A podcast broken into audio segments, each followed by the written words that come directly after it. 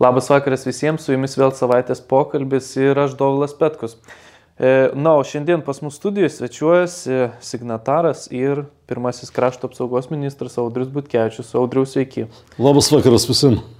Mėlyjei, šį pavasarį vėl prasidėjo gyventojų pajamų mokesčio deklaravimo laikas ir mūsų organizacija Propatrija nuoširdžiai dėkodama visiems savo remėjim, kurie prisidėjo prie to, kad mūsų laidos taptų realybę, prašo skirti šią paramą mums ir toliau. Tik jūsų parama, kuri jums nieko nekainuoja, mums reiškia labai daug ir, na, visa jūsų parama leidžia tęsti šią ir dvasinę, ir intelektinę kovą Lietuvoje.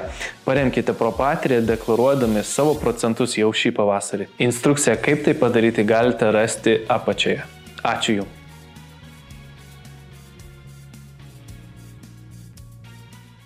Turbūt nepaslaptis, kad dėmesio centre vis dar yra Ukraina ir galbūt reikėtų pradėti nuo to, kad, na, nepaisant to, kad Vladimiras Putinas sako, kad, na, nors jau kilintą savaitę karas Ukrainoje vyksta, kad viskas vyksta pagal planą, turbūt galim pasakyti, kad blitzkrigas, na, tokio, kokio Rusija tikėjęs, tikrai nepavyko. Tačiau, Audriau, jums kaip jaučiančiam pulsą galbūt labiau Ukrainoje ir kas ten dedasi, ar ar tikrai, e, kokia yra nuotaika apskritai ukrainiečių, ar tikrai ukrainiečiai yra šiuo atveju pajėgus e, kažkaip įveikti tą Rusijos kariuomenę, perlaužti ir išstumti okupantą, kokios yra nuotaikos. Ar vis dėlto čia yra e, kovojimas laikė, tikintis, kad, na, ateis kažkokia fundamentali parama iš vakarų, vis dėlto tos NATO ir padės, padės šitą karą laimėti. Kokia ta situacija ir nusiteikimas ten? Na, pradėkime nuo to, ką jūs pasakėte, ar ne? Visi šiandien kartoja taip, taip, Blitzkrigas nepavyko, rusų kariuomenė parodė labai blogas kokybės, mhm. rusų kariuomenė yra na, neparuošta šilaikiniam karui, rusų kareivėliai valgo uh, senovinius konservus ir eidami į Kijevą jie neturėjo maisto daugiau negu trim dienom, bet už tai turėjo pradinę uniformą, kad, kad, kad praeitų per kreščiatiką. Tai čia yra Taip. toks nu, gražus pasakojimas apie tai, koks prastas yra vadovavimas Rusijos kariuomenė ir kaip viskas buvo nepasiruošta. Ne? Mhm. Bet visada reikia suprasti, kad skirtingos nacijos ir ypač kare jos veikia skirtingoje logikoje. Ir ta rusiška na, sena taisyklė, na, kad, e, kaip sakydavo vienas didis rusų karo vadas, kad negailėkit kareivių, bobos kitų prigimdys, kad jinai iš mhm. tikrųjų yra vedančioji. Na.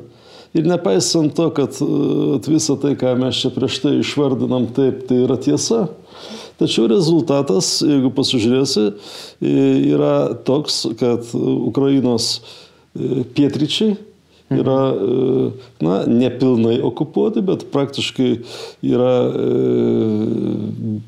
na, užimtos teritorijos ir, ir reiškia, ypač svarbus strateginiai punktai jie yra sukaustyti, Ukrainos kariuomenė yra priversta atakuoti jau įsitvirtinusi priešininką. Mhm. Ir tegul ir per palyginus ilgą laiką, tačiau jie tam tikrą savo šito vykdomo plano dalį įgyvendino. Mhm. Ir dabar koksgi buvo tas planas? Pagal tai, ar, ar rusai čia sėkmingi, ar pasisekė jiems blitzkrygas ar ne, reikia spręsti pagal tai, ar jie pasiekė savo uh, išsikeltus uždavinius. Taip. Na, na, tikslas pirmasis, pirmasis, pirmasis na, tai yra propagandiniai mhm. dalykai. Mhm. Aš nemanau, kad tokį tikslą rašė ten Gerasimovas generalinio štabo viršininkas pas save. Na. Denacifikacija yra ta aplamai kažkoks tai net nepolitinis, tai yra toks propagandinis šūkis skirtas mhm. danešti iki ten paprastų rusų galvų, kas vyksta dėl to, kad na, na, na 40 ten 40-ųjų metų ta žodis buvo girdėtas ir dabar Taip. lengva žmonėm paaiškinti, kodėl jie turi eiti kovoti ir numirti kur nors ties Kyivui. Mhm. Ja, bet e, tikras, tikras Rusijos tikslas, žinoma, buvo teritorijos perėmimas. Ir bet kokio dydžio politi... teritorijos? Tai, tai apie, tai, apie, tai, apie, tai, apie tai ir pakalbėkim. Apie tai ir mhm. pakalbėkim. Na, paprastai, na, sakykime, rusiška strategija yra imt tol, kol leis, tol, kol negausi rimto pasipriešinimo. Pirma idėja buvo, pabandysim paimti viską. Na ir negailint savo žmonių, taip ir buvo užžyta. Gerai, nepasisekė, gavo į dantis. Gavo į dantis ir eilėje ten kairio kranto vietų pagrindinių. Nesugebėjo paimti ne tik Kievo, nesugebėjo paimti ir Harkovo. Praktiškai nesugebėjo paimti nei vieno strateginio taško. Ir Mariupolio nesugebėjo paimti. Ten paėmė, nu, sakykime, antrailį, trečiailį miestą pagal svarbą Hersoną ir greta esančią atominę elektrinę. Tai, e, tai yra tiesa. Bet e, maždaug, jeigu pirmasis tikslas buvo paimti visą Ukrainą, perimti politinę kontrolę, pasistatyti, reiškia, savo, savo ištikimą valdžią ir toliau jau vairuoti su visa teritorija anapus besileidžiančios geležinės uždangos. Ir ten linksmai ir laimingai gyventi kartu su kiniečiais, iraniečiais, šiaurės koriečiais ir kitais gerais žmonėmis. Tai šitas, šitas planas akivaizdžiai sužlugo. Tačiau buvo ir planas B. Ir jie prie to plano B perėjo labai greitai. Keletos dienų bėgė, 3-4 dienos. Mhm. Jie pajuto, kad situacija neina taip, kaip jie įsivaizdavo. Ukrainiečiai gynasi, jie turi pakankamai parengtas pajėgas. Kągi tada, sako rusai, imsim kairį krantą Dnepro. Dar 4-5 dienos paaiškėjo, kad ir čia neįkanda. Tada jie sako, nu kągi, nepavyksta. Bet nelabai ir norėjom. Mums užteks, jeigu mes pasimsim Juodosios jūros pakrantę, tai yra pietryčius, prasimušim koridorių nuo Azovo jūros iki, iki Donbaso, sujungsim ten pagrindinius savo interesus tokiu būdu Tai yra Donbaso teritorijos bus sujungtos su Krymu, mhm. Krymui bus paduotas vanduo, mes atidalinsim e, Juodąją jūrą nuo, nuo Ukrainos. Nu, nebent ten kažkuriuose vietose jie sugebės prasimušti. Ir dabar yra koncentruojamasi ties šitą vietą, tai yra uždaroma Ukraina nuo jūros. Taip. Toliau e, rusai puikiai suvokia, kad jie yra pajėgus uždaryti tą Ukrainės, Ukrainos e, sieną su Lenkija, nes jie dabar jau turi Baltarusiją. Mhm. O Baltarusija turi todėl, kad, kaip mes esam kalbėję vienoje laidoje, mūsų politikai labai stipriai padėjo Putinui. Taip, bet Baltarusijos beje klausimas dar labai yra įdomus dabar, nes aš mačiau, kad iš pradžių taip, e, faktiškai buvo leista pulti iš Baltarusijos teritorijos, tada buvo pakeltos jau ir Baltarusijos pajėgos, vos nesisakė visi, kad, na, Lukašenka toks vos neįlinis generolas Rusijos pasidarė, tačiau dabar, na, lyg ir vėl ten ant sienos, aš kaip supratau, jie stovi ir kol kas niekur ten nejuda. Tai ką čia reiškia Na, šitas aspektas, kad Lukašenka kažkaip bando išsisukti iš Putino glėbio? Na, yra, yra tokia hipotezė, ne, kad Lukašenka visą laiką maivosi ir bando e, nepasiduoti Putinui, kadangi įsivėlus į karą ir galų galiai pralaimėjus jisai bus tarp pralaimėtojų, pakaltinamųjų, ko jis visai nenori. Ne? Mm. Yra ir toks mąstymas. Tačiau aš jums priminsiu, kad Rusijos kariuomenė stovėjo ant e, Ukrainos sienų beveik keturis mėnesius. Ne? Ir e, kodėl yra nenaudojama šita kryptis, tai labai galimas dalykas todėl, kad tam netėjo laikas. Mhm. Ir kai ateis laikas uždarinėti Ukrainos sieną su Lenkija, tai šita kryptis, žinoma, bus efektyviai išnaudota. Ukrainiečiai turi tokį patį suvalkų koridorių, kaip ir mes turim. Mhm. Ja, tai aš jums noriu pasakyti, kad e, žinoma, rusai planuoja uždarinėti šitą bambagislę tarp Ukrainos ir, ir NATO ir, ir vakarų. Tai vienas dalykas. Ir jie uždarinėja e, e, Ukrainos e, ten pakrantas su Juodaja jūra. Ir kai jie turės šitas teritorijas, ne, kai bus pakankamai didelis spaudimas ir galimybė kontroliuoti įvairius na, tiekimus į Ukrainą, tada jie smoks į Kijevą. Mhm. Galimas daiktas, jie, jie smoks pakartotinai į Kijevą anksčiau, na, jeigu kažkam žinarvai neatlaikys. Bet e, aš dar kartą sakau. Smoks kuria prasme su taktiniu brandoliniu ginklu? Nebūtinai. Nebūtinai. Žinoma, net ir tokios, e, reiškia, hipotezės nereikia atmesti, nes po to, kas įvyko, jau niekas nebegali atmesti net ir brandolinio ginklo panaudojimo. Bet e, šį kartą aš turėjau omeny konvencinės Mhm. kariuomenės panaudojimą dar vienai atakai prieš Kijevą. Mhm. Na, čia žinoma, to atsiras gudrių skaičiuotojų, jog rusai neturi pajėgų ir, ir panašiai. Ne? Nes vis dėlto keistas yra tas aspektas, kad jie kreipiasi į Baltarusiją, tada mes girdim, kad kreipiasi į kažkokius samdinius į Siriją, pakelia čečienus, kažkaip keistokai atrodo, kad yra Rusija, tokia gale, šitiek kareivių, ar ne, ir, ir, ir, Na, ir, ir vis dėlto, ir vis dėlto jiems reikia kažkokios pagalbos iš kažkur. Atrodo na, keistai. Žvilgtelkim, žvilgtelkim į tai kitų kampų. Na, niekas e, nenori Rusijoje aiškintis prieš savo žmonės dėl žuvusiųjų. Jau dabar reikės aiškintis. Mhm. Ir žinoma, jie bando mažinti šį skaičių. Žinoma, jie bando prisidengti čečienais, jie bando prisidengti Baltarusijos, galbūt jie taip pat pasiskaičiavo, kad žymiai pigiau būtų ten e, prisidengti siriečiais ar, ar mhm. Hezbalos žmonėmis iš Libijos. Tai toks, e, toks mąstymas žinoma egzistuoja. Bet e, žiūrėkit, e, na, per anksti nurašyti štai tą Rusijos galimybę pritraukti papildomus primobilizuotus žmonės Jie turi, jie turi resursų ir jie turi rezervų. Ir o šito nereikia nurašyti. Jie negaili savo žmonių, jie negaili Ukrainos žmonių, jie traukia iš savo ten senų sandėlių 80-ųjų metų ginkluotę, maždaug Afganistano karo laikų ginkluotę ir jie naudoja. Mhm. Ir jeigu, kaip tu nori vertink, bet na, pagal tą planą B scenarijų, jie e, pozicijas užėmė. Ir labai šauniai ukrainiečiam priešinantis didvyriškai, rodant, reiškia, puikų kariuomenės parengimą, rodant savo e, kariuomenės vadų e, gerą kariuomenį ištreniravimą, vis tik mhm. ta lavina rytasi.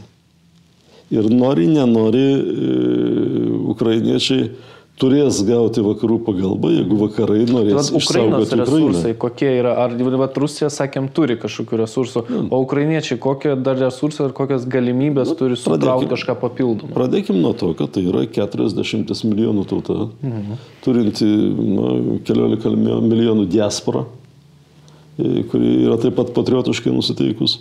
Tai įsivaizduokit, vien, vien tai, kad e, Ukraina įėjo į šį karą turėdama apie 220-30 tūkstančių kariuomenę mhm. ir jie turėjo 400 tūkstančių parengtų rezervistų, tai yra tie, tų, kurie yra praėję per karo ugnį Donbase. Ja, todėl galvot, kad, kad e, Rusijai yra lengva su Ukraina darotis tikrai nereikėtų. Tai jau vien čia, skaityk, yra pusę milijono, 600 tūkstančių žmonių. Na, e, e, toliau yra labai aukštas patriotizmo lygis, yra galimybė pritraukti žmonių. Na, ir, ir dabar situacija yra tokia, kad e, jie neturi kur naujai pritrauktų žmonių paruošti, jie neturi jiems pakankamai ginklų. Na, norinčių kovos su rusais vis dar yra daugiau negu kad yra ginkluočias. Taip kad nu, tokia situacija neleidžia rusam labai atsipūsti. Mhm. Ir sakau, iki šio momento tai didžiuliai Rusijos kariuomenės nuostoliai, jie kaip tik tai apie tai ir rodo.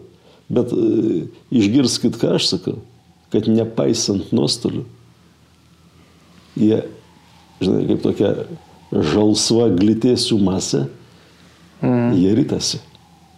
O būtent kalbant apie tą e, E, apie pagalbą Ukrainai, dar, dar irgi kalbant, e, nes dabar, kad, kuomet buvo ir apie lėktuvus diskusijos, ir apie kitas priemonės, šalia pagalbos visada vakaruose ėjo žodis dees, deeskal, eskalacija, ar ne, karo, deeskalacija, eskalacija. Ir, ir būtent vakarai yra labai išsigandę to momento, kad jeigu mes, pavyzdžiui, duosim lėktuvus, kad čia jau reikš branduolinio karo pradžią.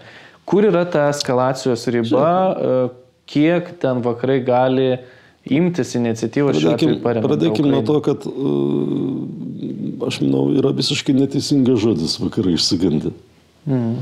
Šitas karas niekam nebuvo naujiena. Vat niekam e, tarptų, kurie domisi saugumo ir gynybos politika, e, tai ir aš čia kalbu ne apie e, tos Bideno skelbimus apie tai, kad rusai puls prieš keturis mėnesius. Tai yra, na, keletą metų bėgėje buvo žinoma, jog Rusija puls ir NATO valstybės kiek galėjo Ukrainą ruošė. Labai gaila, kad paskutiniai du metai, kuomet į valdžią atėjo ten, šiandieninis prezidentas Zelenskis, mhm.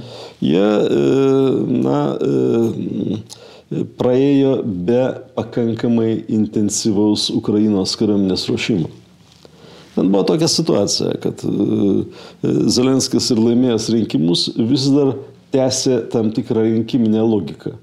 Jisai sakydavo, Porošenka, buvęs prezidentas, jisai buvo karo angelas. Aš esu taikos angelas. Ir jis neskyrė kariuomenė pakankamai dėmesio, jis visą laiką įsivaizdavo, kad gali susitarti su Putinu dėrybose, jo artimiausių patarėjų buvo ir tebėra toks Jermakas, mhm. kuris garsėja išskirtinai, reiškia, tampriais ryšiais Rusijoje.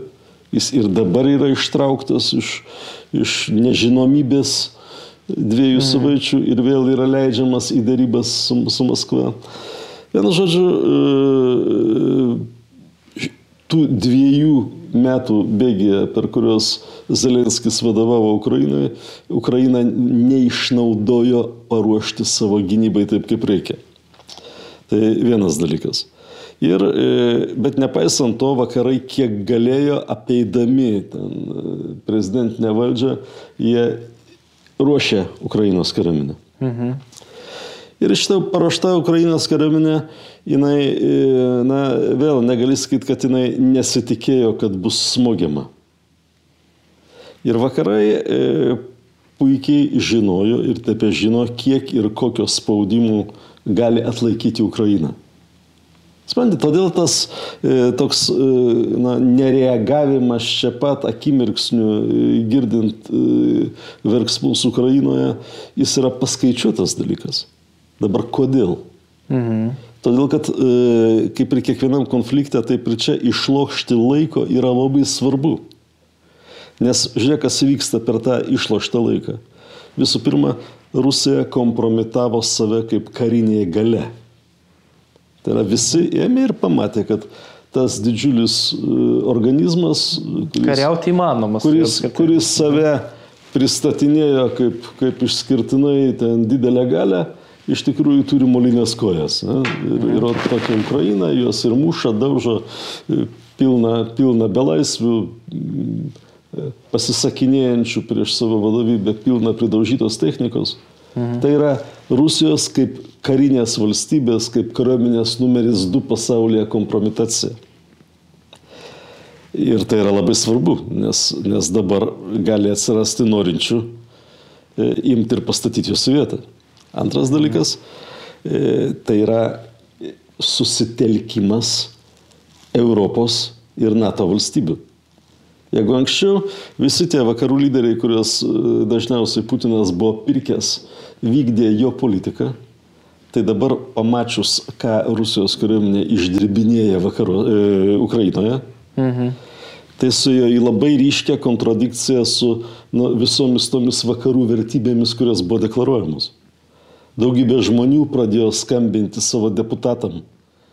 Kad, reiškia, parlamentas. Šolcas išsigando tos minios Žinoma, Berlyne. Žinoma. Mhm.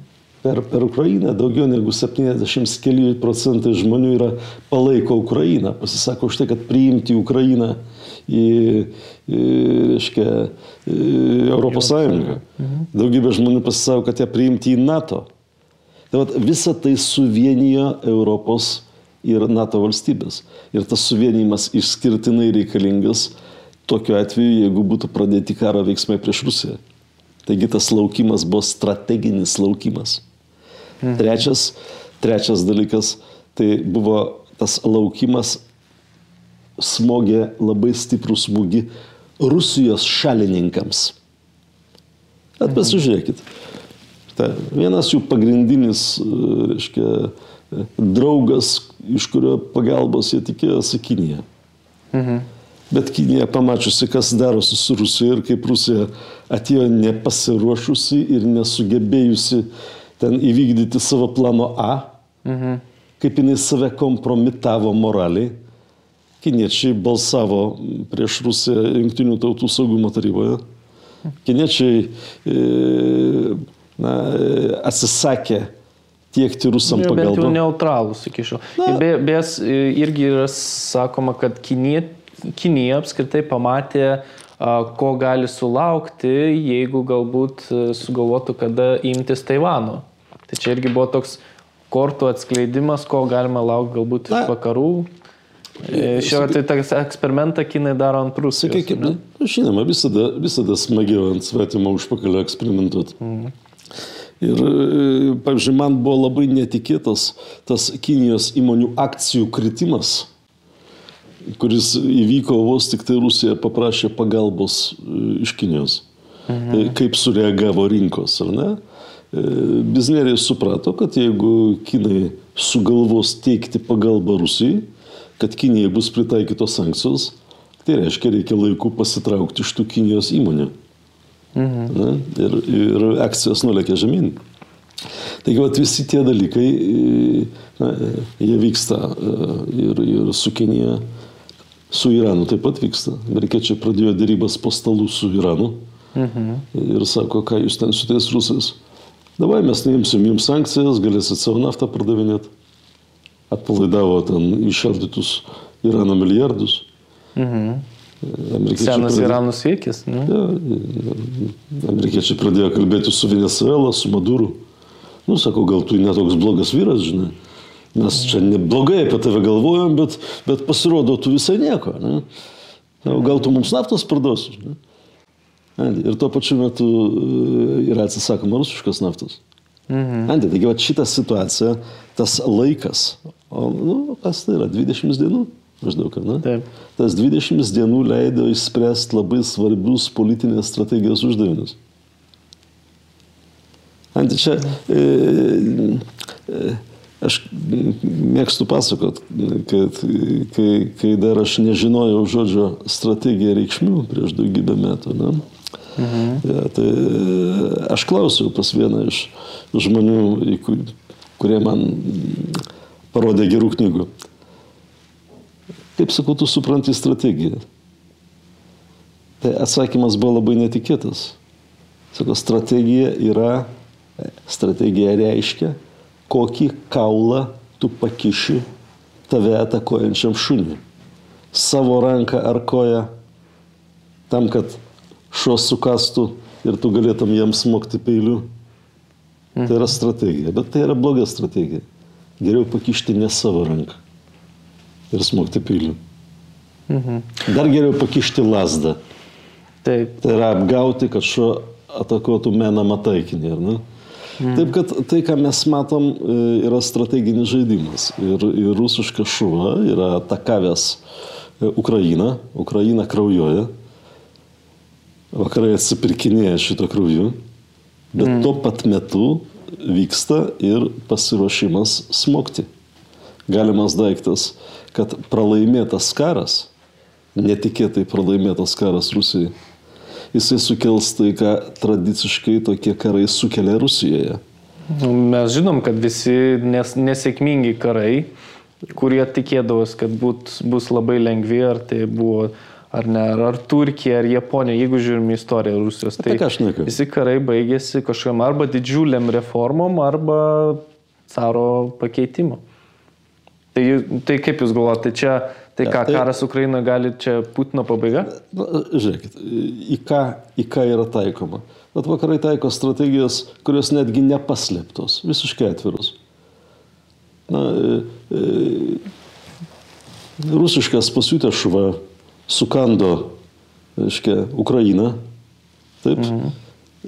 Ukraina rėkia ir kraujuoja, šuva draskosi, bet taip pat praranda labai daug galimybių kraujo, silpsta. Tuo pat metu e, vakarai sako, e, štai yra žmonės, kurie tą šunį šėrė, kurie tą šunį treniravo, augino, davai mes jiems taikom sankcijas.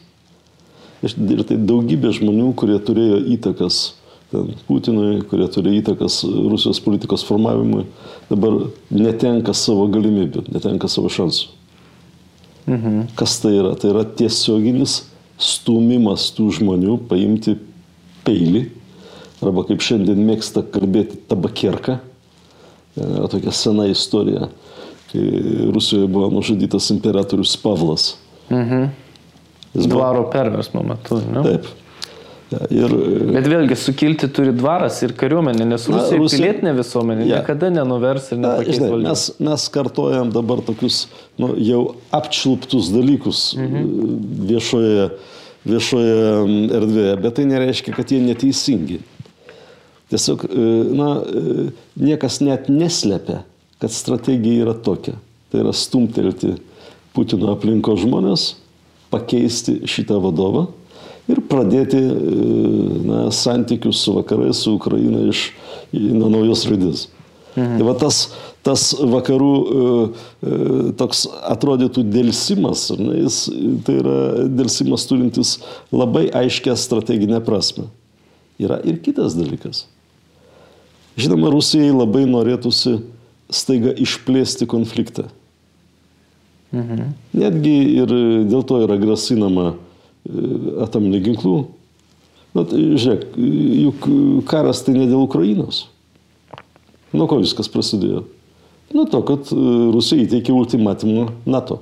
Taip, NATO plėtra jų buvo Ja. ja. paspiktimas nuo to. Grįžtat į 97 metų situaciją. Pasitra- Pasiimkit manatkės ir eikit von. Ne? Čia Repkino, Rusijos užsienio reikalų ministro e, teiginiai. Taigi tikslas buvo NATO kaip po galios mažinimas, vakarų atsitraukimo e, ir tam tikros erdvės, įtakos erdvės Rusijai sukūrimo klausimas. NATO, Junktinės Amerikos valstijos pasijokė ir pasakė, eikit von. Mhm. Ką tada daro Rusija? Tada Rusija telkia pajėgas ties Ukrainos sieną ir šantažuoja toliau vakarus. Vakarai tai nereaguoja. Tada rusai puola Ukrainą. Bet tikslas tai ne ten viena ar kita Ukrainos teritorija, net ne politinė kontrolė Ukrainoje. Tikslas tai yra vakarų galios sumažinimas. Mhm. Tai žiūrėk, kas, kas dabar čia darosi iš tikrųjų. Iš tikrųjų, e, Rusija siekia naujomis sąlygomis dėrybų su vakarais. Ir tai gali baigtis netgi ir konfliktų su NATO valstybėmis.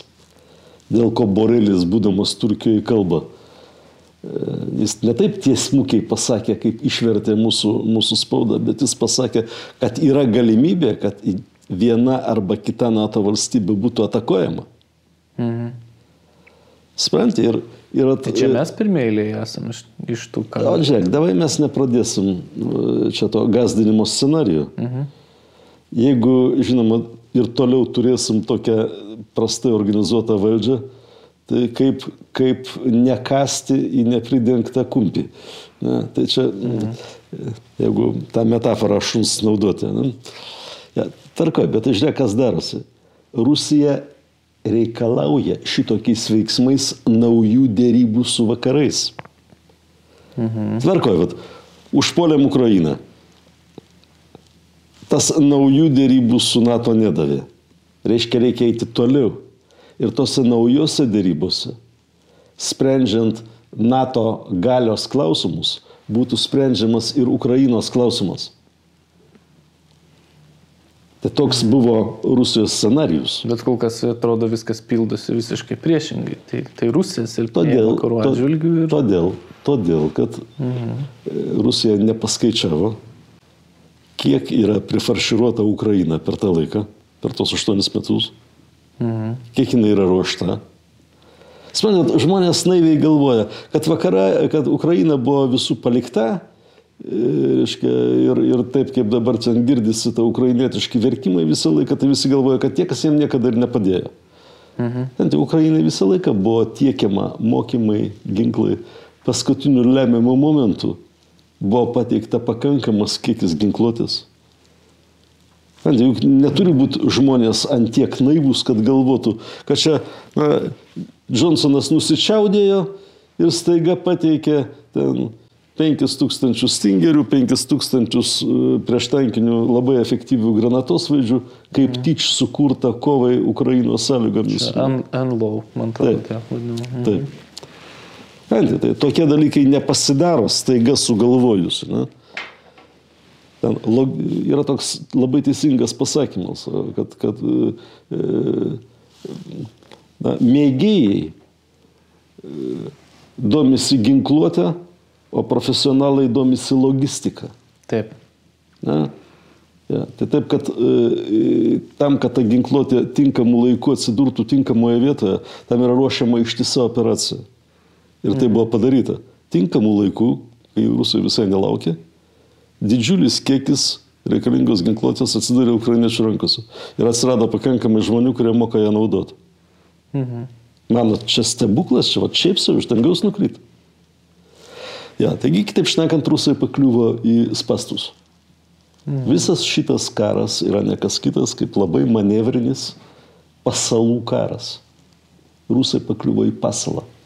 Pradžiai pakliuvo, reiškia, nes, nes neįvertinę, kokios galios, kokio kietumo yra Ukraina, paskui neįvertinę, kad yra labai greita galimybė suderinti vakarų veiksmus. Na? Mhm. Ir dabar jau e, jie turi galvoti, ką daryti ir kaip čia išeiti. Žinoma, galima naudoti strategiją, kurią panaudojo Aleksandras Didysis, tai yra kirsti Gordijos mazgą. Šituo atveju tai būtų brandolinio ginklo panaudojimas. Mhm. Nes yra netgi klausimas dėl Ukrainos, tarkim, na, kaip jūs minėjot, kad vis tiek na, po biškį tą masę, tie drebučiai užpila, užpila, e, bandys jį atkirsti Ukrainą nuo vakarų, nuo tos logistikos, nuo tos grandinės, bet galų gale, na, tu gali visada laimėti karą ir užimti teritoriją, bet ją išlaikyti. Ir pastatyti pastatyt dabar, tarkim, netgi tą patį Zelenskį kaip nors nuėmus, nugalabijus, pastatyti ten marionetinę rusišką valdžią tokioj šaly dabar, net ir jeigu ukrainiečiai pralaimėtų tą karą, Tai yra neįsivaizduojama beveik. Na, Čia turbūt jau iš Rusijos tikslų. Tam, išbalta. kas sako neįsivaizduojama, tas neturi geros vaizduotės. Spandi, ir e, rusai turi pavyzdžius. Jų mhm. pavyzdžiai yra tai, kas buvo po antrojo pasaulinio karo. Ukrainiečiai, kaip, kaip ir mes, priešinosi ten iki 57-ųjų.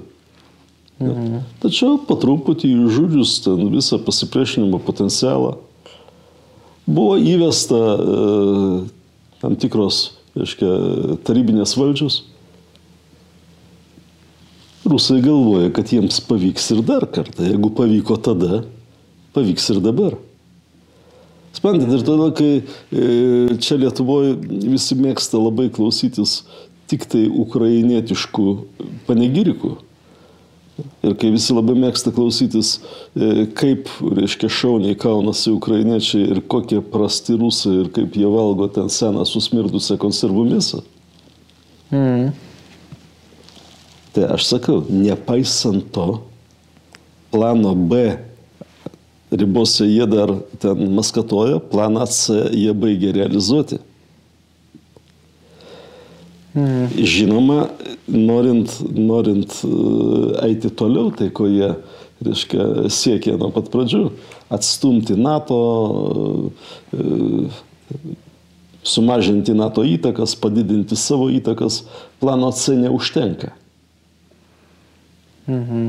Bet paaiškinti savo šalies žmonėms, kodėl žuvo ten nu, 20 ar 30 tūkstančių, kiek iki galo Rus, Rusijos jaunų vyrukų ir kodėl buvo išžudyta tiek civilių Ukrainoje, šito jie paaiškins. Sprendat, nu, suvokit, kaip masto Putinas. Jisai žiūri antro pasaulinio karo rezultatus ir, na, sako, kiek ten žuvo? 20 milijonų. Ir ką, vis tiek žiūrėkit, vat, visi laksto su, su Stalino brosdėlis ir dar žvakutę, žvakutę neša. Reiškia, galima. Bet ar ne, ne laikai per nelik nepasikeitė, nes tada vis dėlto buvo, kaip sakyt, karo metais tas, tas laikotarpis, kuomet augo tam tikra karta. Dabar net, netgi kokiais 90-91 metais klausimas, kiek jau rusų būtų ryžęsi kažkokiam tokiam masiniam konfliktui, kaip kokiu, kokiu būdu ten antro pasaulinio karo metais. O jo labiau dabar, kai visuomenė dar labiau įpratus prie pasižiūrėk, kas, dar, pasižiūrėk, kas darosi Rusijoje. Nu, kas darosi? Į demonstracijas išeina. Porą tūkstančių išėjo. Taip. Palyginus su visais kitais. Suprantate, žuva jų vaikinai. Jų vaikinai tampa žmogžudžiais. Žudo žmonės kitoje kaimininėje valstybėje, kuria paskutinius 250 metų, ten Katarinos antros laikų, jie buvo ten e, įpratinti vadinti savo brolišką tautą ir visas tas nesąmonės kartuoti. Ir ką, ir nieko. Ir visa ta tauta tai pakenčia. Pažiūrėkit, Rusijos šviesuomenė, ten rektoriai rašo panegiriką Putinui ir pritarimą jo vykdymai politikai. Ten Rusijos švietalai, žurnalistikos ir, ir, ir meno pasaulio remia Putiną. Na, nesvarbu, ten priversti, nepriversti, išprievartauti, neišprievartauti. Bet tas rodo, na, kokios menkos dušelės tenai gyvena. O jeigu tu pažiūrėsi ir paklausinėsi, jeigu tu paklausinėsi žmonės aplink, net Lietuvoje gyvenančius ten štinkt šito kvepelių kvepiančius žmonės, žinai, nuo ko jie pradeda kalbą? Nu ką, kas pirmas užpuolė? Ir eina agresyviai į tave. Kas pirmas pradėjo karą Ukrainoje? Sprendė, tai yra jų klausimas šiandien bandant, e, reiškia, tave provokuoti, ar tu palaikai ar ne šitą situaciją. Taip, kad žiūrėkit, e, jokių būdų negalima ten kliautis to, kad Rusijos žmonės nepalaikys šito karo ar dar kažką, iki to reikia daiti. Ir kai, mhm. ir kai eina kalba apie, apie šitą Ukrainos auką mhm. ir apie tą vadinamą vakarų dėlsimą, kurį aš vadinu strateginiu dėlsimu. Tai reikia suprasti, kad tas sąmonės lūžis, sąmonės keitimas taip pat ir Rusijoje, jis gali vykti tik tai per tam tikrą laiką ir štai per tokius krūvinus įvykius. Mhm. O jeigu jūs manęs nu, klausit apie, apie lėktuvus ar apie dar ką, nu, tai, žinai, mano, mano kolegos vakaruose, na, jie labai tiksliai vertina, jog šitie e, lėktuvai, kurie neduoti Ukrainai. Abeje, iš kur žinot, kad neduoti? Taip, čia yra strategija savo, kad gali ja. būti. Mhm. Ja. Iš kur pas tuos ukrainiečius tiek lėktuvų? Ten šaudo, šaudo rusų. Mhm. Bet mes nedodam. Ja, taigi, e, supranti, tas, tas lėktuvų davimo faktas, jis nėra toksai, E, reiškia, karo veiksmus perlaužiantis dalykas. Taip.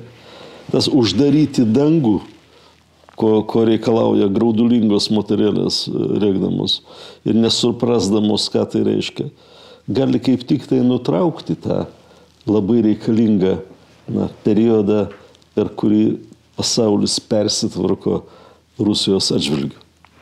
Todėl, todėl per anksti leisti save atakuoti Taip. reiškia mąstyti nestrategiškai. Ar aš suprantamai jis reiškia? Tikrai taip. Audriu, pabaigai dar reikėtų labai pakalbėti ir apie tą nepridengtą kumpį. kaip jūs pasakėt.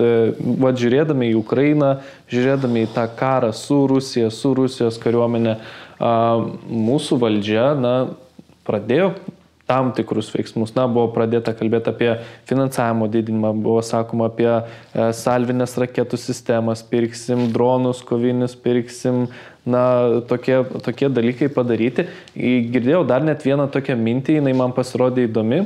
Savotiškai sakė, jeigu mes norim karinį parengimą, kad nors gražinti mokyklas, laikas yra dabar, nes būtų mažiausiai nepatenkintų žmonių, kuomet mes galbūt galėtumėm tokius dalykus pradėti daryti. Tai visi šitie momentai Lietuvoje. Čia pakankami, nepakankami jūsų kaip ministro buvusio to srityje. Žinai, aš pasakysiu pačiam, kad tas kolektyvinis ten Čmilytės, Šimonytės ir Armonaitės kumpis yra labai na, nešvankus dalykas. Kodėl? Todėl, kad iš esmės tai yra mūsų valstybės interesų išdavystės toks, tokia akivaizdi demonstracija. Vat, davai pakalbėkime apie tai. Mhm. Jeigu reikės mums gauti mūsų sąjungininkų pagalbą, kaip manai, iš kur mes ją gausim? Bet per kur mes ją gausim? Nu, Lenkija artimiausias, kas čia yra. Ar matei, kas darosi su rusų tankais, kurie gali judėti tik tai keliais arba pagal kelius arba palei geležinkelius? Mhm. Metalų kurvom turbūt turi. Arba klimsta, jeigu nevažiuoja. Apie ką šneka? Mhm. Taigi suvalkų koridorius, per kurį mes turėtume gauti pagalbą, turi būti paruoštas pagalbos gavimui. Mhm. Per 20 metų aš nu, lojau, vaikštinėdamas pas visus ten buvusius ministrus ir, ir saugumo ir gynybos komiteto pirmininkus, įrodinėdamas, kad šitą klausimą reikia spręsti. Mhm. Be gudrių šypsenėlių, su tokia šizofreniška, reiškia, e, veido išraiška, atsakymo nebūdavo jokio.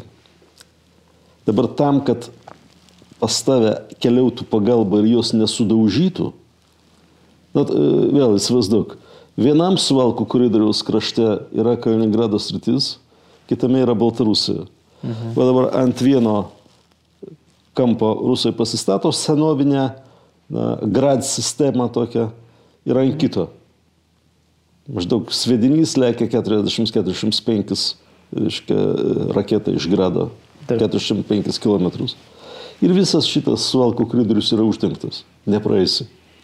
Hmm. Ar yra būdai tą, tą, tą reiškia, e, problemą išspręsti? Taip. Jie vadinasi, jie vadinasi geležinis kupolas. Tai yra sistemos, kurios leidžia numušinėti reiškia, priešininko raketas. Mhm. Prieš raketinės sistemos, žodžiu. Prieš raketinės sistemos. Jas, jas yra pagaminęs Izraelis. Tai kas Lenkai nepadaro namų darbų?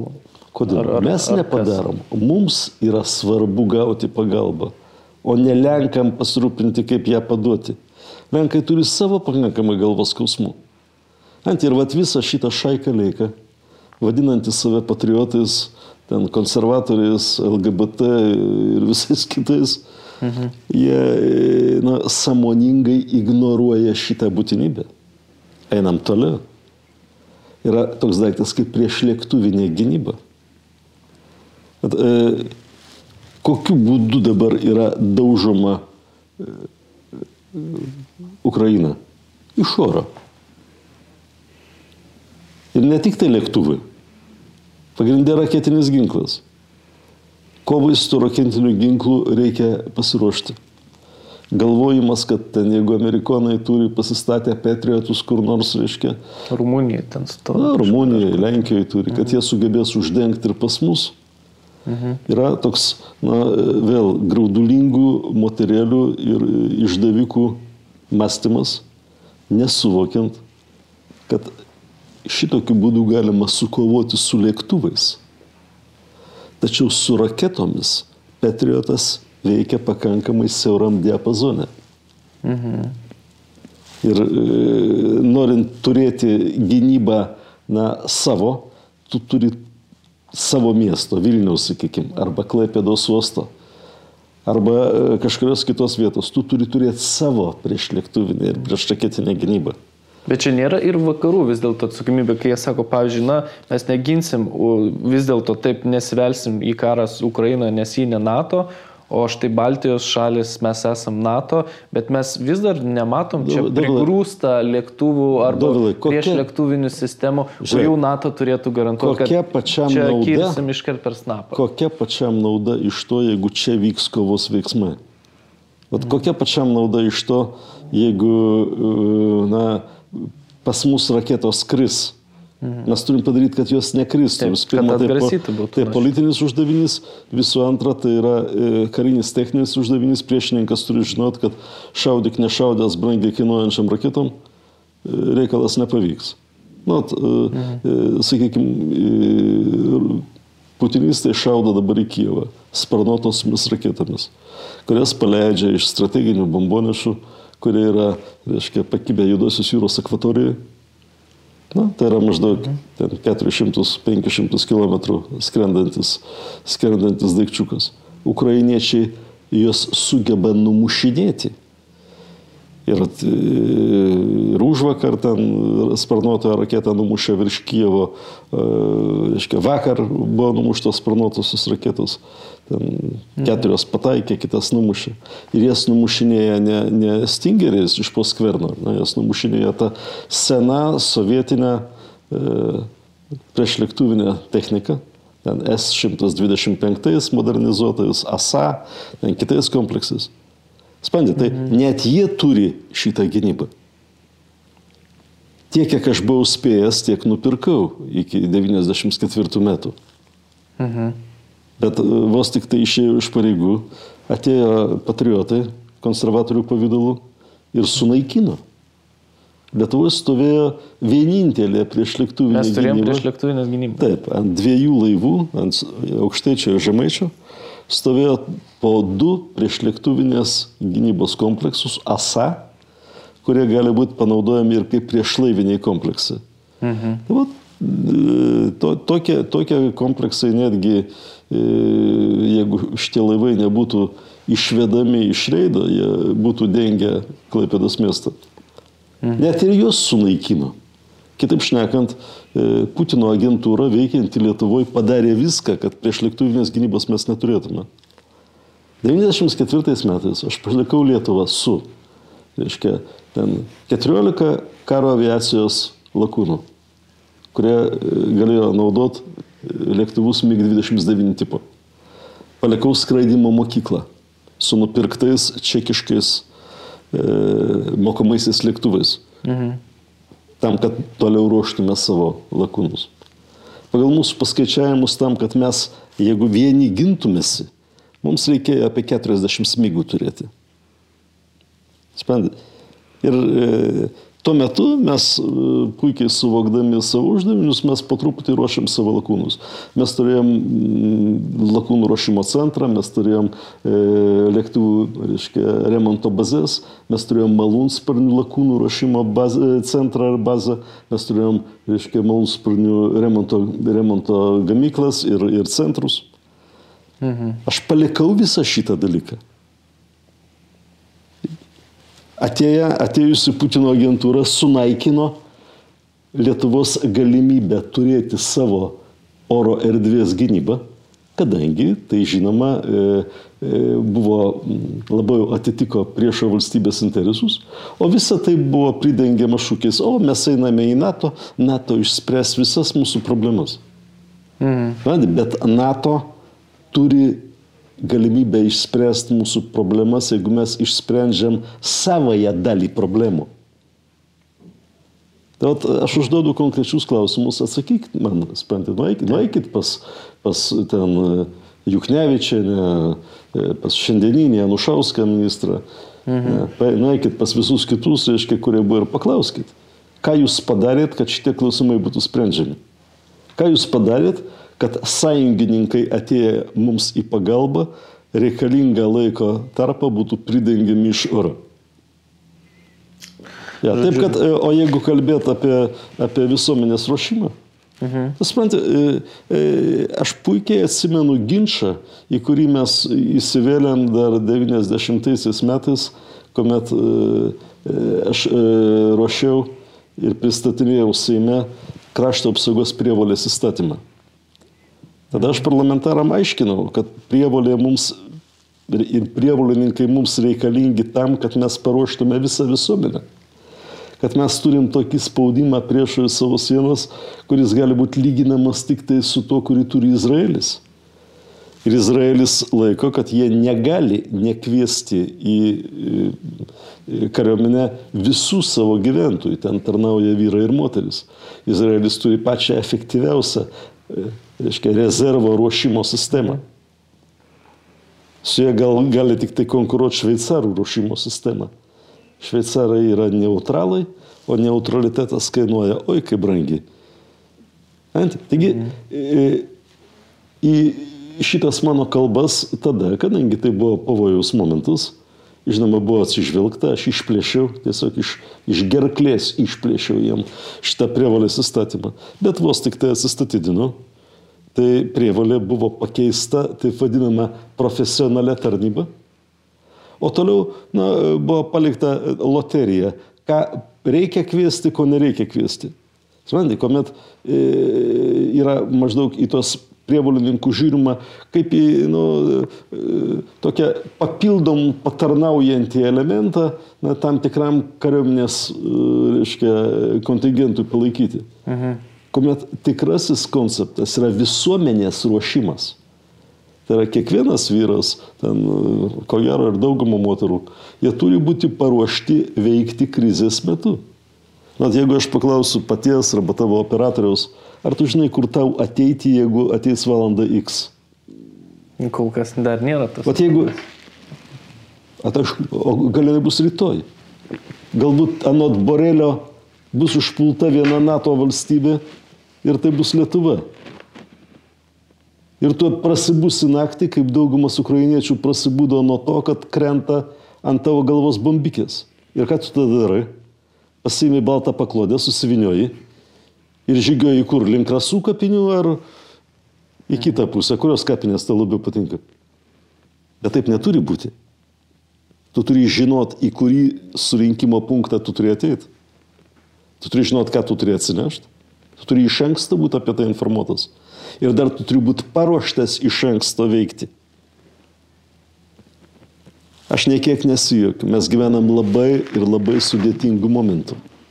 Ir tai, ką su mumis padarė žmonės laikantis ir vadinantis save mūsų valdžia, yra nusikaltimas prieš mūsų valstybę ir prieš Lietuvos istoriją. Audriu, ačiū, kad buvote šiandien pas mus laidoje.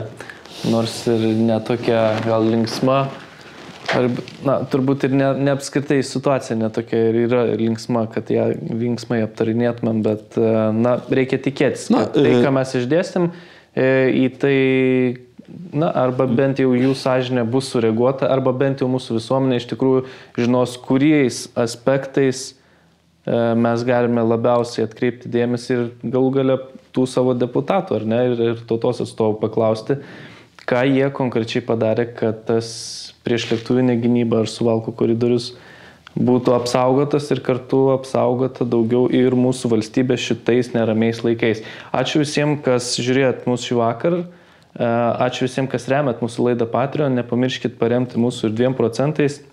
Ši parama mums yra labai naudinga, kas garantuoja ir tai, kad mūsų laidos gyvuoja toliau. Ačiū uždėmesi ir iki kitos savaitės. Iki.